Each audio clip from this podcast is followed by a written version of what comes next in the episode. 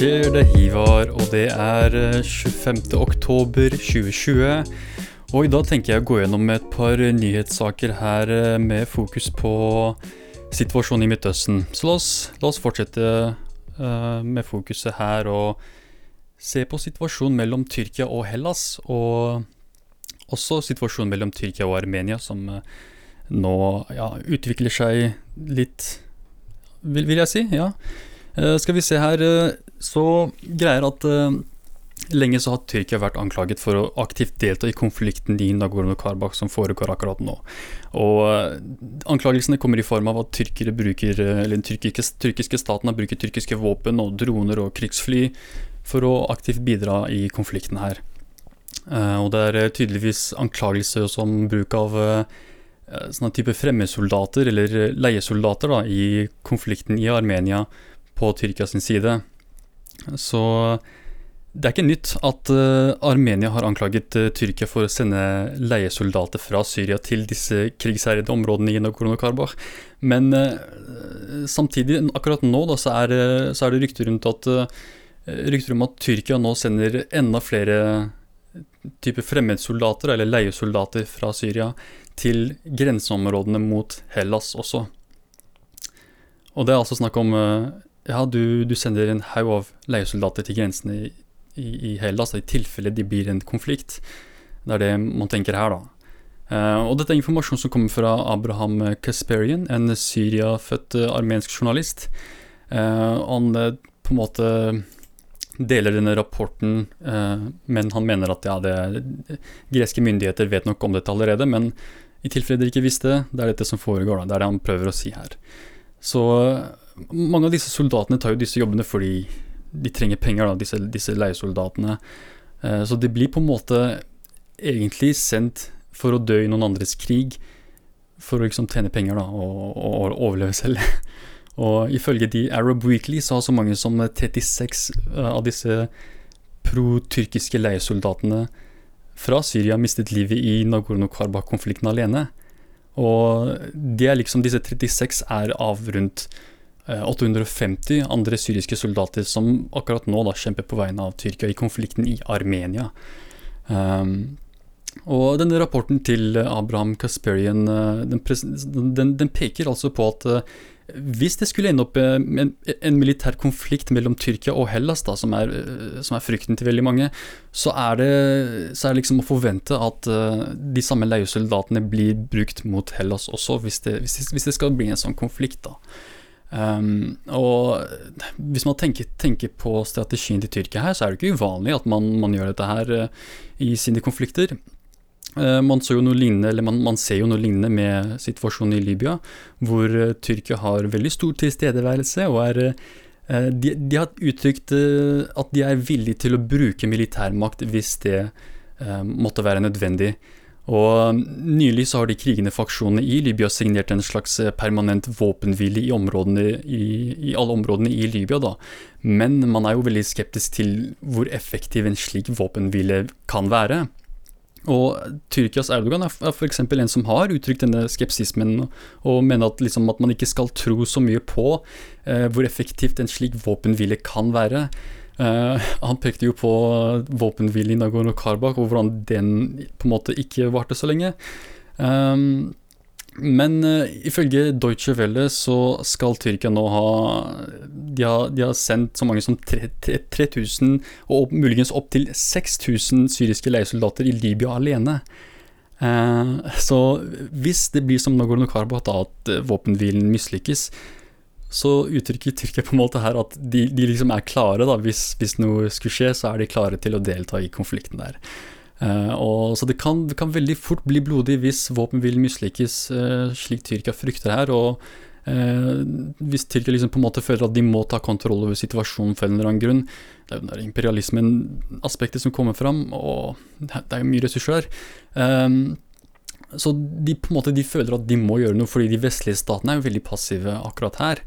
Um, og det å ha liksom så mange leiesoldater der, uh, det kan være en veldig stor fordel hvis noe skulle gå fælt uh, med den situasjonen der. Uh, og mange av, disse, mange av, disse, soldatene, ifølge denne rapporten til Deutsche Welle her, så, så har mange av disse allerede kjempet for uh, Tyrkias vegne i andre konflikter. De skal f.eks. ha vært i, med i konflikten i Aleppo, i Hama, i Idlib og i de kurdiske områdene i Nord-Syria. Og um, er at uh, Vi har en lignende situasjon i Nord-Syria også, med tanke på Tyrkias bruk av leiesoldater. Her har man jo altså leiesoldater som ble brukt til å drive krig mot kurdiske områdene, med spesielt fokus på de YPG-kontrollerte territoriene. Uh, noe som var særlig skummelt, da. Så det er mange mange av disse basene som ble angrepet av disse leiesoldatene, var jo fangeleir for terrorister og IS og alt det der. Så når de ble angrepet, så var det slik at mange av disse Eh, bare ut ifra det kaoset som fulgte denne invasjonen, da, gjorde at mange av disse fangene på en måte flykta fra disse leirene. og Det er veldig mange terrorister som slapp unna da, med andre ord. I oktober 2019 så var det slik at 859 eh, folk klarte å flykte fra fengselet i Ain Isa i Nord-Syria. Og mm, det kommer egentlig av at Tyrkia har lenge hatt som mål å fjerne de kurdiske styrkene fra den nordsyriske grensen. Dette er noe de har snakket om veldig lenge. Uh, og det er ikke før nå liksom, de er veldig effektive med det. Og det, det, det, kommer de ut og skryter om også. Det, du vil se rapporter som uh, kommer og liksom på en måte med sånne uh, Putter inn sånn skikkelig strålende rammeverk. Sånn oh, wow, se på det her! De har drept så mange terrorister'. Det er liksom, her, Herregud, nå snakker du om å ta livet av folk her, og du skryter av det på den måten her. Uh, nylig så har du sagt at i de siste 30 dagene har de drept 119 folk. Uh, eh, 55 skal liksom ha vært drept innenfor Tyrkias grenser, og 66 er i disse um, grensekryssende og militære operasjonene, da, som, uh, som, deres involvering i, i, i Nord-Syria og Nord-Irak. Så situasjonen mellom Tyrkia og Hellas, da, den Jeg vet ikke, for akkurat nå ser det ut til å roe seg litt ned etter at de hadde en sånn liten misunderstanding, hvis man kan si det sånn, etter at begge parter på en måte ble eh, hadde liksom militærøvelser planlagt. da. Når de endelig bestemte seg for å ikke ha disse, disse militærøvelsene for å hindre en slags ulykke da, eller et uhell som kan føre til noe mer seriøst. Eh, blant annet så har jo Natos Jens Stoltenberg vært eh, aktiv i å diskutere med partene om situasjonen. Ettersom ja, Hellas og Tyrkia er jo begge medlemmer av Nato.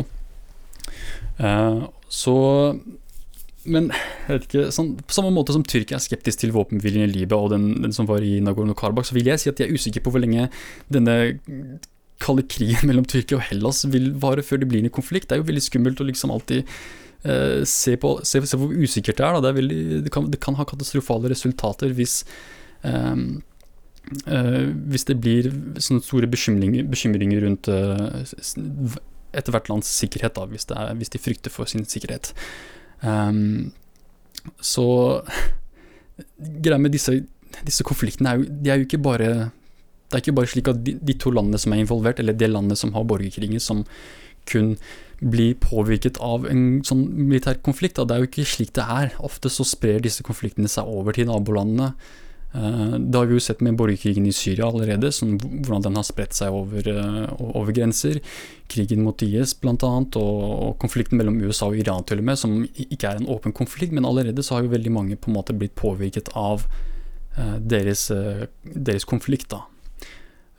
Og nå Nagorno-Karbakh, som på en måte er i Armenia og Aserbajdsjan-områdene, men Tyrkia er involvert, og som fremmedsoldater er involvert. Er sånn, hva, hva, er det som foregår nå? Eh, det blir litt, eh, det blir litt bekymringsfullt da, hvis det er det som fremtiden er for disse konfliktene. For, for dette området da, det kommer til å bli et konfliktfylt område enda en gang, som om ikke det allerede var det fra før av. Um, men det beste vi kan håpe på for den situasjonen, tenker jeg er å, er å håpe på at Nato i hvert fall fortsetter å drive en aktiv dialog mellom partene. Sørge for at sjansen for en sånn militærkonflikt minimeres effektivt. og selv om det en dag skjer et uhell som muligens kan trigge en større konflikt, så kan vi bare håpe på at begge parter er villige til å finne en rettferdig, rettferdig løsning på konflikten. Da. Eh, men eh, det er kanskje naivt å håpe på, jeg vet ikke. Eh, jeg skjønner jo at folk er veldig bekymra, og folk er veldig, veldig, mer pessimistiske overfor situasjonen, men det er greit å håpe på at det beste skjer, at, at, folk er villige til å virkelig snakke om dette her og, og gi faen i å angripe hverandre. Det, det, er ikke, det, er noe, det, er ikke, noe, godt som kommer ut av det. Um, men uh, en ting som er tydelig, da, er at Tyrkia er jo, de er jo ikke redd for å gå til krig. Det, er jo de Ja, de gjør det veldig tydelig. Så det kan være litt skummelt.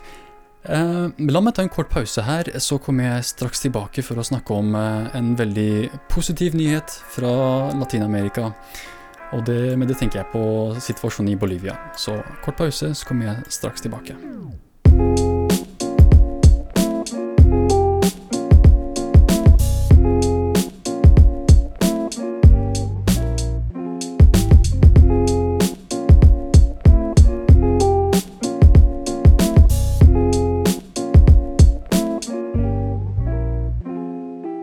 Yes, da er jeg tilbake. Um, så nå tenker jeg vi kan gå over til å se på situasjonen i Bolivia. Så dette her blir litt uh, Ja, blir litt fokus på sosialisme versus kapitalisme i Latin-Amerika. Så noe som veldig lenge jeg synes har vært veldig fascinerende. Så la oss se hva som har skjedd i det siste, da.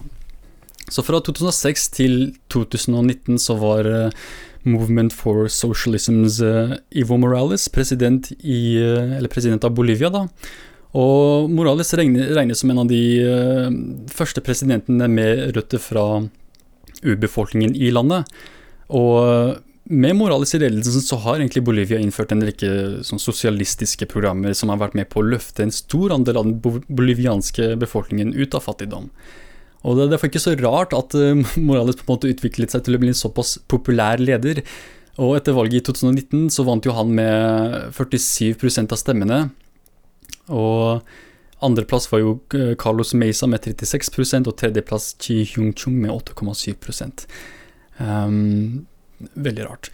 Uh, men dette kommer vi tilbake til, dette her med splittelsen av stemmene og alt det der. Så en kort tid etter at valg, disse valgresultatene på en måte ble tydelige da, om at Evo Morales kom til å vinne igjen, så ble det anklagelser om valgjuks. Og det ble såpass seriøst da, at uh, det endte med at Morales måtte Uh, han måtte si seg enig, om å holde et nytt valg, for det første, og han måtte akseptere det kravet om at han ikke lenger kunne sitte, i, i makten, sitte med makten. Og i mellomtiden så ble han, mens han på en måte var var i eksil, så ble han erstattet av Janine Anes. Jeg håper jeg sier navnet riktig. Uh, det var uh, Egentlig, når man ser på situasjonen, så er dette her snakk om et uh, militærstøttet coup mot Evo Morales. Um, samtidig så var den jo egentlig støttet av en rekke politikere fra USA. Så det var veldig interessant å se hvor, at det var veldig mange i USA som på en måte håpet på en viss, en viss fremtid da for Bolivia. Blant annet bak en, en, en, kandidat som Janine Anes. Så da Morales flykta til Argentina som et resultat av valget, uh, altså det, det, det, disse anklagelsene om valgjuks og alt det der, da, og at han bør fjernes, så ble han erstattet av Louis Aker, Arki, RC, eh, som stilte som eh, kandidaten for Movement for Socialism-partiet. Og før dette valget så hadde Janine Anes eh, trukket seg som kandidat på en måte for å sørge for at høyresiden da på en måte blir forent mot Movement for Socialism. og det, det, fun det funket jo tydeligvis ikke, for nå har valgresultatene kommet inn, og Movement for Socialism sin kandidat Louise RC Akri, sorry. Han vant valget med hele 55,1% av stemmene, etterfulgt av Carlos Mesa med 28,8% Så med andre ord så etter, valget fra, etter valgresultatene i 2019, som sikret uh, Movement for Socialism-partiet uh, en seier, ble regnet som på en måte illegitim, da, så holdt landet et nytt valg som kun resulterte med at Movement for Socialism faktisk vant en enda større andel av stemmene. Så dette mer enn noe annet tydeliggjør hvor Bolivias demokrati, liksom hvor folket faktisk vil hen, versus hva visse politikere og korrupte ledere som støtter uh, militære overtagelser og alt det der, uh, vil at landet skal gå. da. Og, uh, så det går, det går, altså imot veldig manges interesser, det må man ikke glemme. At, at dette her er resultatet. Ikke bare i USA, men også eller, ja, sånn aktører som Elon Musk. da. Um, greia er at Ivo Morales ville jo nasjonalisere Bolivias lithiumressurser. Og Elon Musk vil jo han vil gjerne ha tak i litt billigere lithium, men eh, så, så det, det, vil ikke gjøre situasjonen bedre for han da, hvis eh, Bolivia, som har veldig store mengder med lithium, da eh, nasjonaliserer sine, de privatiserer det, den aspekten av økonomien deres. da.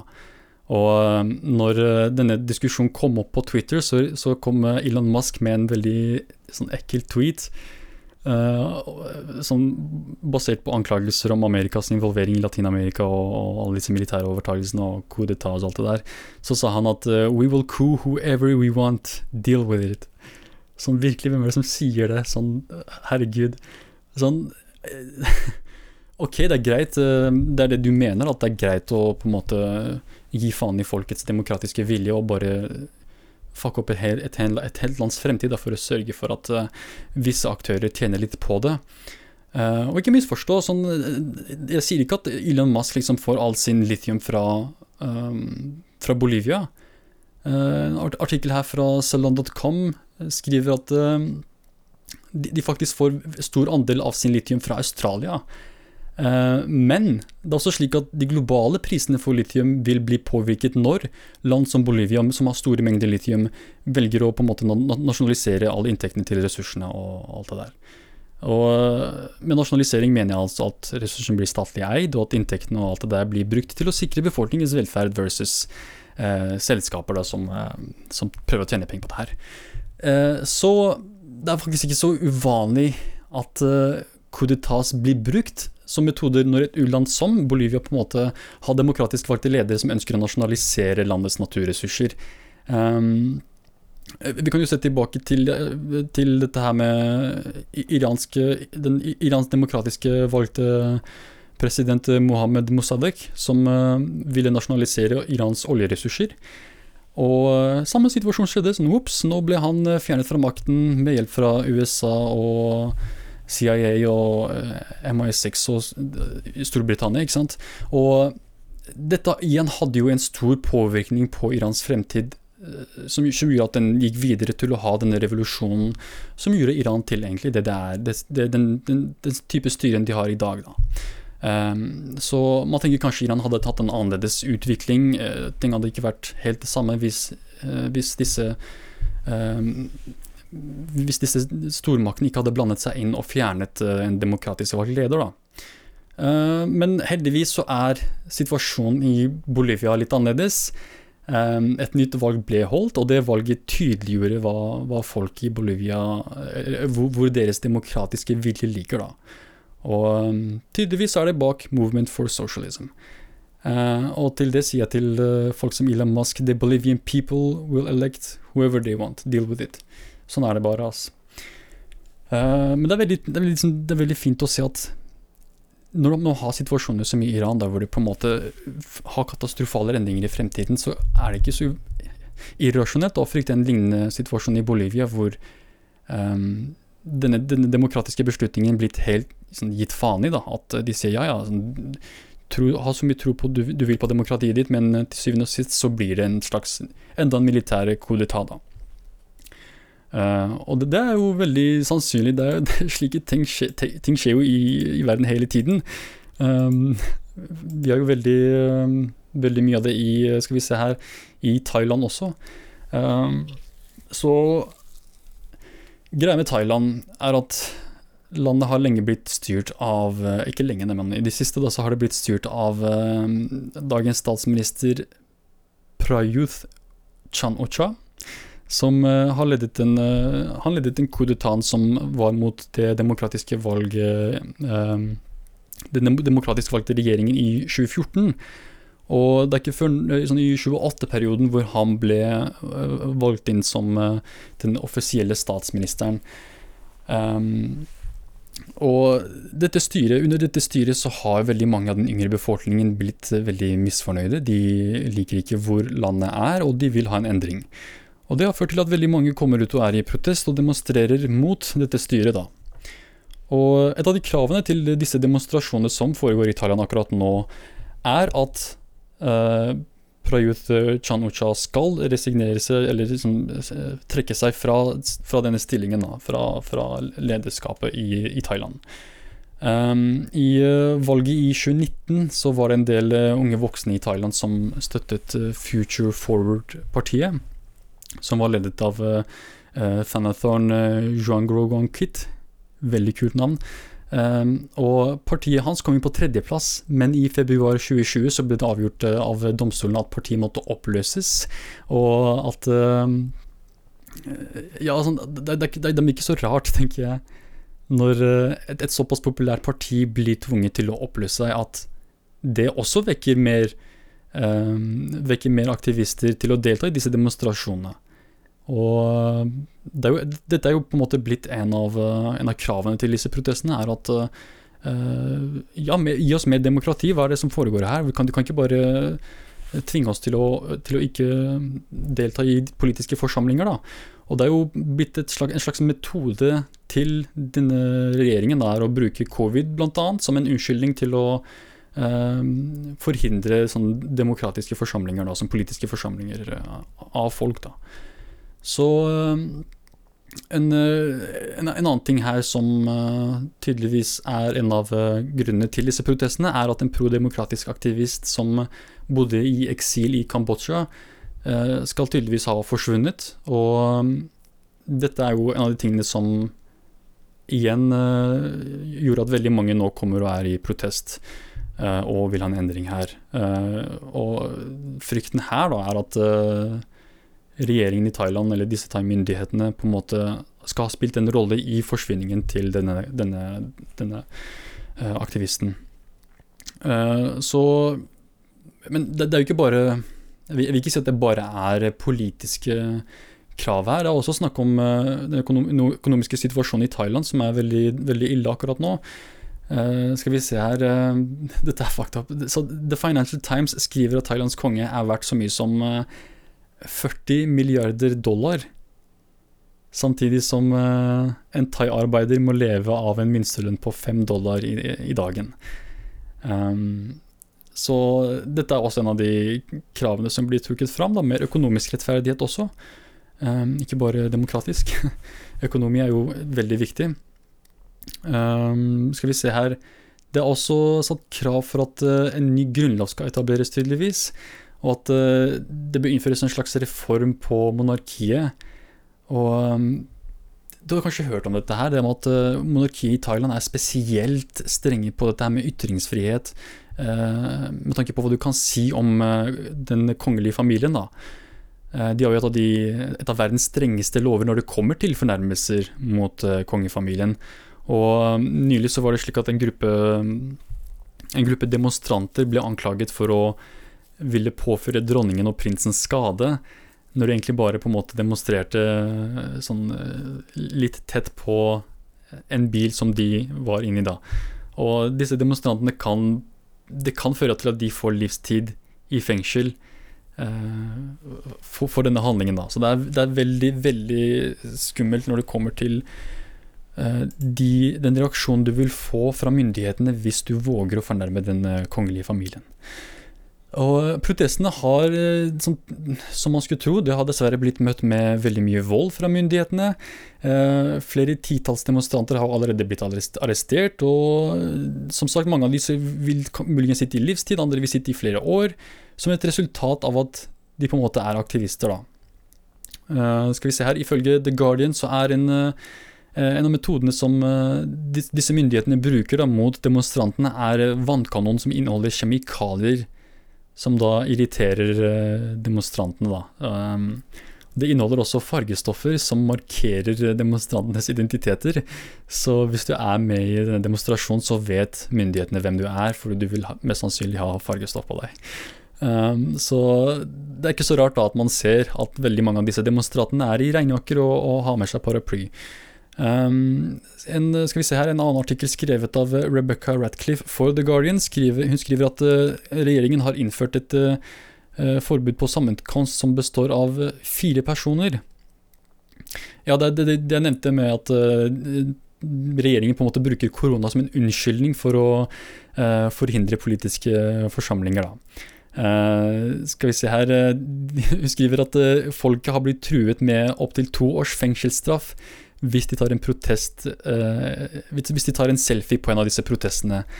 Så det er her vi går over til på en måte ytringsfriheten enda en gang. Sånn, uh, selv en selfie, som på en måte er en slags type ytring, vil jeg si, uh, er på en måte straffbart. Og det er, det er, veldig vanskelig å kontrollere noe sånt, spesielt når absolutt alle tar selfies. Så det, det virker veldig, veldig drakonisk, vil jeg si.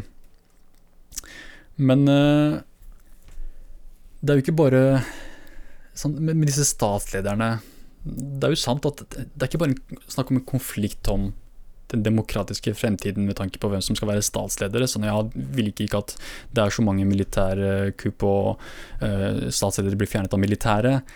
Uh, jeg vil tro at veldig mange, av disse demonstrantene her uh, faktisk er her, og, eller er der og demonstrerer da, fordi de ønsker mer ytringsfrihet. da. Og en, artikkel, en meningsartikkel skrevet av Pravit Rojanapruk Um, han, her sier han at uh, mange av disse som er med i protestene, som er fra den yngre generasjonen mellom 15 og 25, ønsker seg en forandring i landet, og at uh, de, de, faktisk ikke vil arve et Thailand hvor ytringsfriheten er såpass begrenset. Um, og med dagens overinformerte generasjon, så det blir jo vanskelig for slike politiske systemer å overleve. Sånn, min generasjon vokste opp med tilgang på all informasjon på PC-en i, PC i, i, i stuehjørnet eller på laptopen, mens dagens generasjon har jo vokst opp med all verdens informasjon rett i lomma. Sånn smartphones og, og sånn hvor lett tilgjengelig informasjon er for de.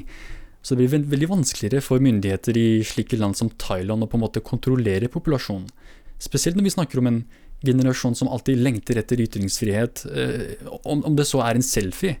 Um, og det går jo på en måte Den ytringsfriheten går egentlig hånd i hånd med internettgenerasjon internettgenerasjonen generelt.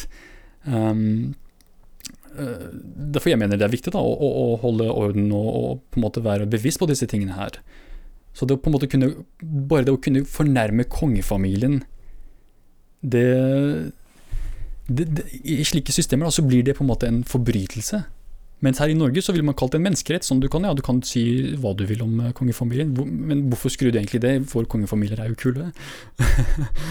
men eh, sånn, det er ikke sånn en forbrytelse, sånn, det er litt drøyt.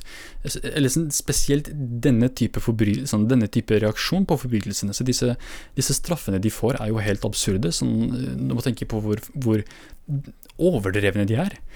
Um, og sånn denne kampen for urettferdighet i land hvor på en måte urettferdighet er så vanlig, det er aldri enkelt. Det, det har alltid vært mye lidelse, og det vil alltid definitivt være mer. Uh, og jeg tenker Det beste demonstrantene akkurat nå da, kan gjøre, er å på en måte fortsette å kreve endringer gjennom demokratiske metoder. Um, det er jo så å si det eneste de kan gjøre, når man tenker over det. Um, men på, den andre siden så er jo den der militærkonflikten Eh, det militærkonfliktaspektet ved det, da, som kan være sannsynlig hvis folk ikke får sin vilje i det hele tatt. Det skal vi se her, en artikkel skrevet av The Thai Inquirer um, skriver at Thailand har hatt 13 suksessfulle kudetas siden starten av det 20. århundre. Um, og ja, når man tenker over det, det er jo ikke så lenge siden Thailand hadde en, eh, noe lignende. Det er jo eh, slik den eh, ledelsen i dag er i, er i makten, da. Så at det er såpass vanlig, så tenker jeg det er ikke irrasjonelt å frykte at uh, noe sånt faktisk kan skje igjen, da. Um, men uh, Ok, jeg tror vi kan gå over til å snakke om en annen nyhetssak her, men uh, jeg vil helst holde det til eh, ytringsfrihet, hvis det er greit. Så Dette er egentlig en, en, sak som har irritert meg ganske lenge, hvis jeg skal være helt ærlig. Det, det er en av de klassiske sakene som media dekker veldig lite, og sånne som meg kommer og klager over det. Eh, men la, la, oss, eh, la oss, se på denne, denne, saken til Julian Assange, da. Og ikke bare dens effekt på ytringsfrihet, men også konflikter og, og disse krigsforbrytelsene generelt, da. Så Situasjonen til Julian Assange.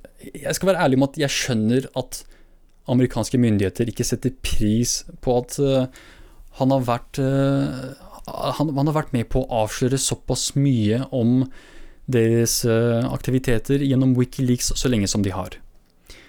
Og det er jo ikke, er jo ikke lenge siden, sånn i 2016 blant annet, hvor, uh, hvor det kom ut dokumenter som avslørte hvor dypt Hillary Clinton var favorisert av partiledelsen i Det demokratiske partiet. Og det på en måte svekket troverdigheten til Hillary Clinton, tenker veldig mange folk. Og tenker at dette her er Russian hacks, og at eh, det er uh, på en måte sabotasje, fordi nå avslører du hvor korrupte vi er. Um, så det ble på en måte brukt som en, en, en av de mange unnskyldningene til uh, Demokratiske partiet og Hillary Clinton for at de tapte. Um, men det som er greia med uh, situasjonen til Assange da, og Chelsea Manning, faktisk, er at uh, tidlig i jeg tror det var 2007-2006, rundt den perioden der uh, hvor amerikanske soldater hadde gjort noe veldig fælt, da. Så greia er at de hadde, de hadde videotape av en, en event som kalles sånn The Baghdad Airstrike. Sånn, denne videoen som viser hvor to amerikanske helikoptre på en måte eh, overvåker en del folk som går i gata. Og en av soldatene som eh, overvåker situasjonen, mener at eh, kameraet som den ene personen har på seg, er et våpen. Og tenker 'å, se der, en AK-47, og han der har bazooka'.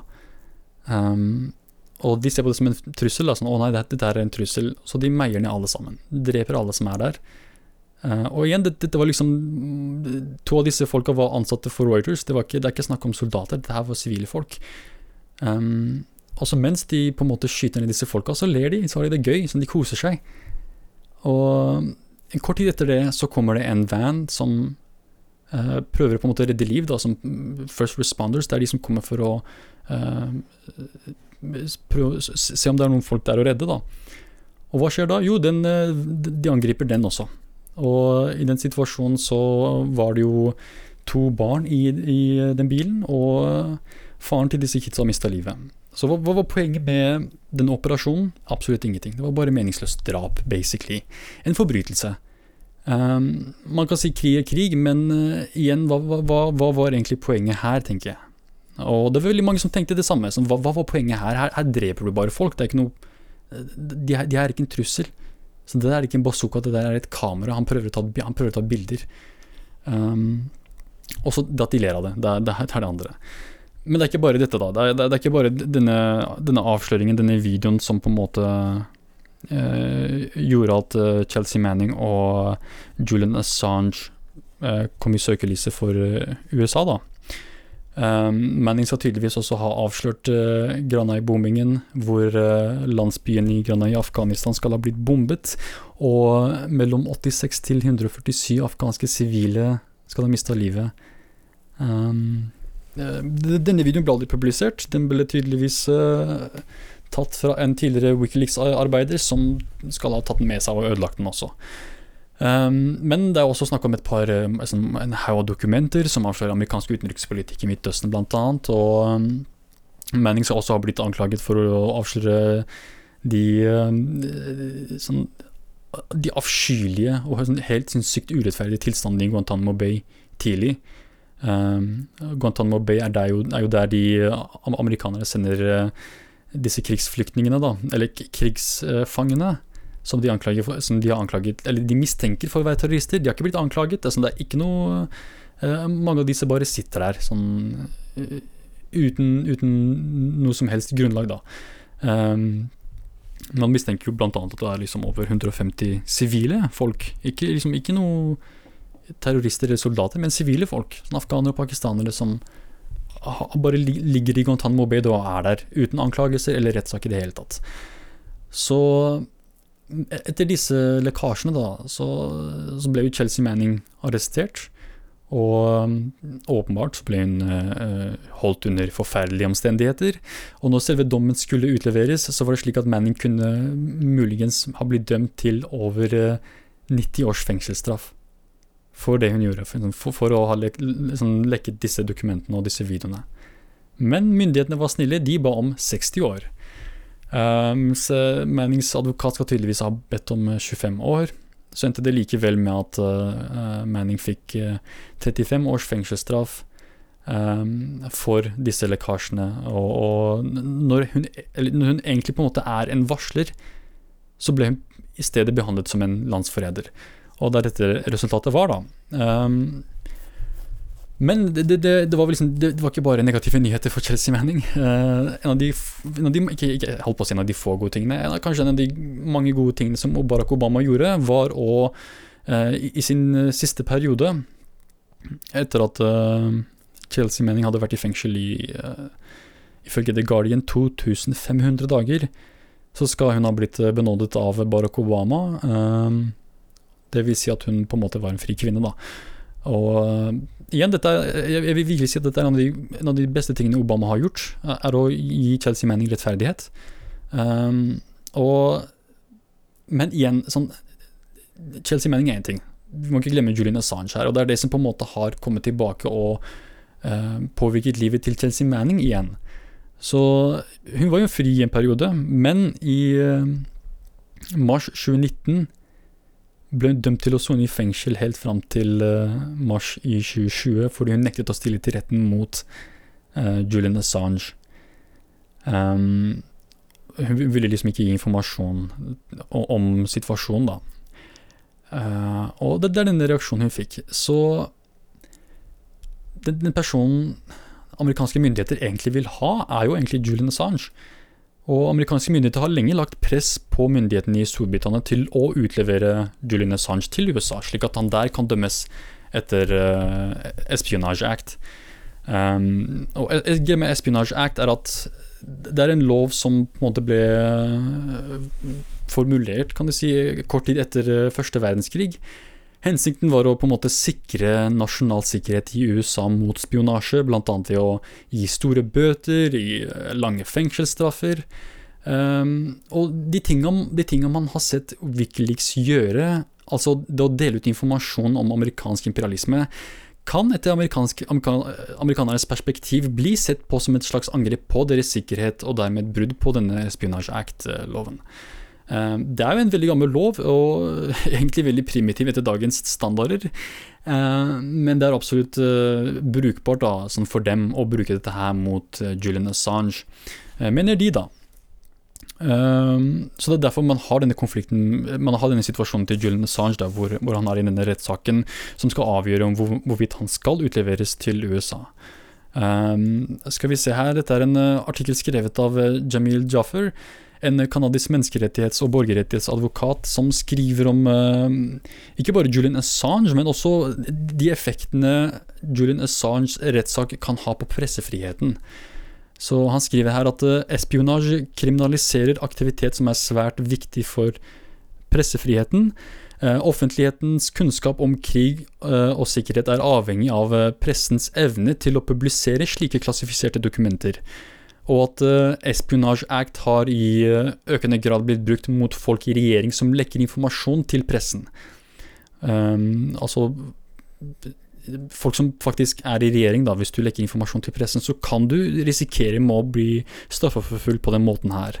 Uh, videre så tenker man på denne ideen om å straffeforfølge um, folk som fungerer som en plattform eller en redaktør, da, som egentlig bare publiserer informasjonen og når man først begynner å ha det som en standard, da, at det her blir normen, så kan det, som han skriver her, føre til at vi krysser en farlig grense. Um, og til slutt skriver han at uh, Assange-saken er, er, den første saken hvor amerikanske myndigheter bruker Espionage Act for å faktisk straffeforfølge en redaktør for å ha publisert dokumenter. Så det, kan, det, er noe som kan påvirke mediene generelt også. Sånn, la oss si det ikke er Wikileaks som uh, på en måte publiserer uh, lekkede, lekkede, dokumenter i fremtiden, men New York Times eller Washington Post, hvem enn det er, da, så kan egentlig Espionage Act bli brukt mot de også. Um, det eneste som kan hindre det, er at disse mediene sensurerer seg selv. De velger å ikke publisere visse dokumenter fordi de vil ikke bli straffeforfulgt. da. Så det, det, det, er slike dilemmaer som man frykter da, at det, det, kan på en måte Det kan, kan, kan skade Det kan skade pressefriheten. Um, Og det kan på en måte, altså Denne saken det, det, det tyder på at den kan påvirke hvordan lignende saker blir håndtert i fremtiden. Um, så det er derfor interessant å se at uh, Tulsi Gabbard, som er uh, tidligere presidentkandidat for Demokratene i 2020, som også er en representant i Washington, uh, la ut et forslag om å stanse straffeforfølgingen av både Julian Assange og Edward Snowden. Og Videre foreslår hun at uh, en reform av The Espionage Act bør implementeres. Uh, og det, det, som er særlig interessant med at uh, dette er Tulsi Gabbard som sier dette her, er at uh, hun er jo en soldat selv, og hun har uh, flere ganger uttrykt sin støtte for amerikansk sikkerhet og hvor viktig det er for henne. Men likevel innser selv hun at straffeforfølging av Assange og Snowden er feil. Hun, hun, gjør det veldig tydelig her, og hun har helt rett. Um, I skal vi se en av disse mange videoene som uh, Tulsi Gabbard lager, hun er veldig aktiv på sosiale medier, det syns jeg er veldig fint. Uh, hun sier at uh, når modige varslere kommer fram for å avsløre feilhandlinger i regjeringen, må de ha tro på at pressen, som de publiserer pressen og de som publiserer informasjonen, vil bli beskyttet mot gjengjeldelse fra myndighetene. Så du skal kunne, hvis du er varsler, du skal kunne komme ut med disse lekkasjene uten å måtte frykte for hva, hva myndighetene kommer til å gjøre med deg. Det skal være sånn. Det, skal, det, det er sånn type frihet, eh, sånn pressefrihet vi, vi trenger, da. Um, det som er særlig interessant med, med denne, dette forslaget, er at hun tydeliggjør også Snowden. Og det som er interessant med Snowden, er at uh, saken hans er jo egentlig noe som uh, domstoler i USA har gått gjennom. Og, og disse avsløringene som han kom med, det, man, er, man, er, blitt enige om at det var det riktige, han gjorde det riktige, og at disse overvåkingsprogrammene som eh, USA hadde, var feil. Du kan ikke gjøre dette her. Så dermed er Snowdens sak egentlig så å si over. Sånn, amerikanske medier, sånn, myndigheter har ikke noe mer grunnlag for å straffeforfølge han, men likevel så er de fast bestemte på å nettopp gjøre det, da. Og i en uh, Twitter-post så sa Snowden uh, for sju år siden, da nyhetene erklærte at jeg ble beskyldt som en kriminell for å ha snakket sant, hadde jeg aldri forestilt meg at jeg ville leve for å se at domstolene våre fordømte NSAs aktiviteter som ulovlige, og i samme eh, kjennelser krediterer meg for å ha avslørt dem. Dette betyr dermed at eh, Snowden kan beskyttes under eh, status som eh, varsler i fremtidige rettssaker. Um, skal vi se her um, Jo, en, en, annen ting som er veldig interessant med det som har skjedd med Edward Snowden, er at han faktisk nå har uh, fått uh, permanent oppholdstillatelse i Russland.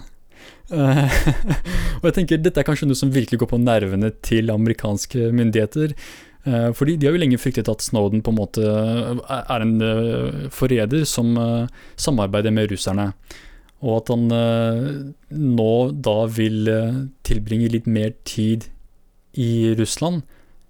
Det syns jeg er litt rart, for han har, jo, han har jo kommet ut og sagt at han er villig til å returnere til USA også, hvis han får en uh, rettferdig rettssak, da. Men uh, igjen, sånn, når vi ser tilbake til Chelsea Manning, når vi ser på hva som er planlagt for Julian Assange, um, så er det veldig lite sannsynlig for at han faktisk får en rettferdig rettssak.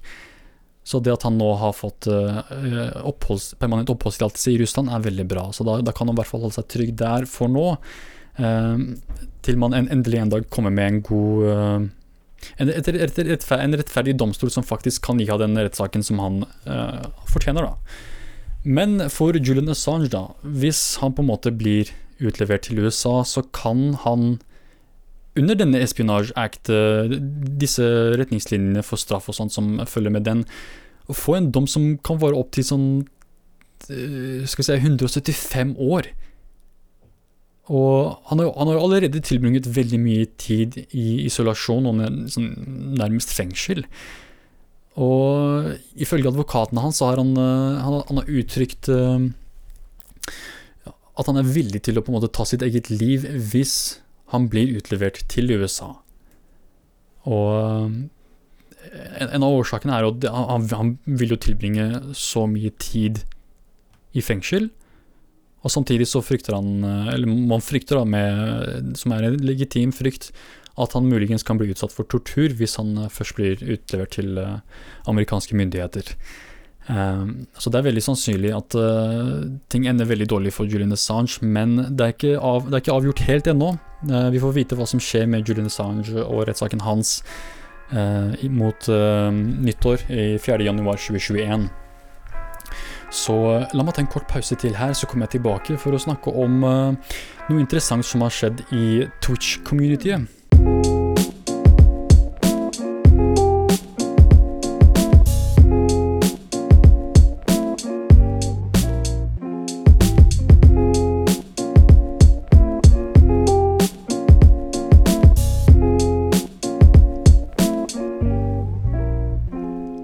Yes, da er jeg tilbake. Og nå kan vi gå over til å snakke om en uh, annen nyhetssak her som uh, også handler om uh, ytringsfrihet, egentlig. Og det er nemlig det som skjer med det Twitch-communityet jeg snakker om her. Så nylig har Twitch sendt ut en haug av varsler til sine innholdsskapere, hvor de blir bedt om å fjerne en stor andel av arkivet sitt. Og dette er snakk om eh, innhold av, eh, stort innhold av strømninger og høydepunkter, masse videoer. Eh, på, grunn, på grunnlag av at de går imot retningslinjene etablert gjennom denne DMCA, Digital Millennium Copyright Act. Og mange av disse streamerne da, vil som et resultat få sine videoer slettet, nettopp fordi Twitch mener at dette innholdet går imot disse copyright-lovene. Og dette skjer et, det, det, som skjer, er at eierne på en måte av det originale innholdet som har blitt brukt av disse streamerne, e, egentlig, for det første, de blir holdt skjult for uh, disse skaperne, så de vet ikke hvem det er som har anmeldt de for copyright uh, for, copyright-misbruk. men ifølge rapporter så skal det tydeligvis være En stor andel skal, det, skal være fra musikkselskaper. Og det, ser ut til at Pga. disse rapportene og disse anmeldelsene av copyright-misbruk, så velger Twitch da med å på en måte sende varsler til sine eh, innholdsskapere og sier Uh, nå må dere fjerne disse, nå må dere fjerne disse copyright-delene uh, copyright her, ellers så fjerner vi alt. Og allerede så har jo veldig mange mistet, mistet, en del, så for å på en måte redde seg selv, som Twitch, da, for å redde seg selv fra søksmål fra disse musikkselskapene, så velger de heller å på en måte fjerne innholdet til disse streamerne. Som da kan uh, lett uh, innebære fjerning av innhold som ja, kan ha vært på nettsiden i flere år. Og igjen, det er, det er snakk om utrolig mye innhold som går tapt. Og Problemet er at Twitch egentlig ikke gir streamerne mulighet til å gjøre noe med disse anklagelsene for urettferdig bruk av uh, hva enn det er, musikk eller whatever. Og det blir nærmest umulig for skaperne da å gjøre noe som helst mot disse anklagelsene. Og jeg skjønner godt at folk på Twitch måtte reagerer med at disse, disse, disse copyright-lovene til syvende og sist eh, på en måte er problemet her, da. Uh, men sånn, det er det vi bør fokusere på. Sånn, jeg, jeg, jeg, forstår godt virkelig sånn, eh, Jeg hadde jo samme frustrasjon med YouTube når de kom ut med disse copyright-lovene deres. Det er veldig lett å bli sånn sinnssykt irritert på YouTube og gå etter de. Og til en grad så har de jo skylden, de også, for det er igjen de som er plattformen. Men eh, fortsatt, jeg, tror virkelig det er disse, disse, disse copyright-lovene som først og fremst er problemet her, da. Um, for det, det, er jo altfor enkelt. Det er sånn utrolig enkelt for uh, La oss si et musikkselskap da, som eier en viss sang, og på en måte an anmelde en video da, for å gå i misbruke copyrighten, i håp om å tjene litt penger på, på denne anmeldelsen her. Og dette er jo som sagt ikke bare noe Twitch sliter med. Du, vil finne det med YouTube, de har lang historie med det. Um, både med copyright-problemer, men også om sensurering av innhold på nettsiden generelt. Um, så hvis man sammenligner det med sånn Twitch-situasjonen med YouTube-situasjonen, kan man fortsatt kalle det en ytringsfrihetssak? Jeg mener absolutt. Sånn det, det, det, her er også snakk om en brudd på ytringsfriheten. Sånn, eh, for, for når man som hva, er, som hva er liksom Du må tenke på innhold som blir sensurert på YouTube. Hva er sensur? Sensur er når du fjerner liksom Når du fjerner noens stemme. Når du, fjerner, når du hindrer noen fra å på en måte si noe eller uttrykke seg selv på en viss måte. da. Og når man tenker på hva en ytring er, så må man tenke på at det er ikke bare ting som kommer ut av munnen din, ting du sier, men det er også ting du skriver. Det kan være videoer, det kan være et kunstverk. Det kan være symbolske handlinger som det å brenne et flagg, eller uh, hva enn det er. da. Sånn, det, det, trenger ikke å bare være ting du sier. Så det å på en måte fjerne alle disse strømningene og, og disse highlight-videoene, det vil jeg si faller innenfor sensur av ytringen. Så, fordi Ved å fjerne dette innholdet, så sensurerer du deres ytringer, som da er dette kunstverket, eller dette, dette produktet da, som er en video som viser uh, blant annet uh, uh, underholdning. Det, det, er basically basically det det er. Um, og det som er kjipt, da, er at i slike situasjoner så er det plutselig ikke lenger snakk om at man fjerner innhold eller sensurerer innhold, da. Eller man begrenser noens ytringer som et resultat av at personen har kommet ut med hatefulle ytringer.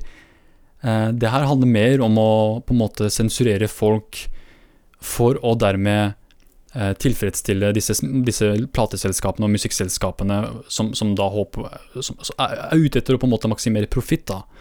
Så til, til syvende og sist, eh, det faktum at innholdsskaper ikke engang på en måte fikk lov til å klage på disse anmeldelsene, forteller oss at Twitch, som egentlig eh, etter min mening gjør det de må gjøre for å overleve selv, det tyder på at de er mer villige til å fjerne masse innhold eh, og, og, på en måte gå imot sine skapere, da. Bare for å sørge for at disse, disse selskapene får den profitten de vil ha, da. Og det var, det jo slik oppførsel som etter min mening gjorde at veldig mange innholdsskapere flyktet fra YouTube over til Twitch. At Twitch på en måte blir et langt mer populært nettsted uh, for uh, gaming-community, blant annet. Um, selv om på en måte YouTube også fortsatt gjør det veldig bra. Og det er akkurat det jeg mener Twitch nå, den samme fellen de faller inn i. Uh, og det er den der konstante misbehandlingen av sine innholdsskapere um, som, som egentlig jeg vet ikke, sånn, Disse innholdsskapene ja, de behandler dem så dårlig, men igjen, det er jo de som på en måte skaper, er, er hovedårsaken til at den, disse nettsidene har suksess i det hele tatt. Det er, jo, det er jo Uten disse innholdsskapene så hadde ikke disse nettsidene gjort det like bra.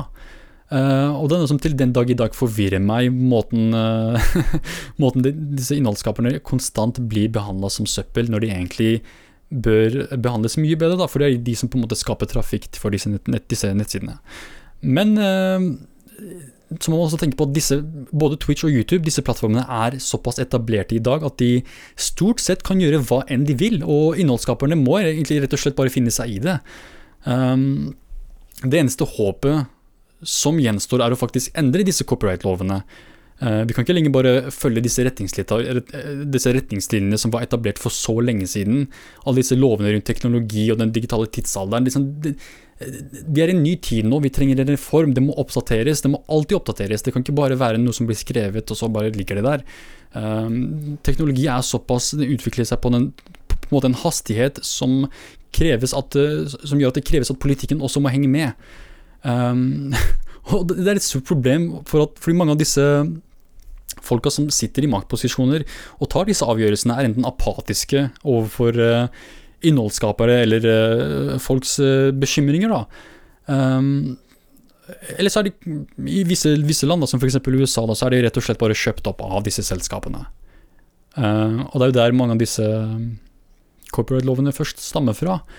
Uh, greier mange av disse Jeg vet mange hater denne, denne denne diskusjonen her, men mange av disse politikerne som har ansvar for å på en måte forme disse lovene for copyright bl.a., får store summer fra underholdningsindustrien under sine valgkamp.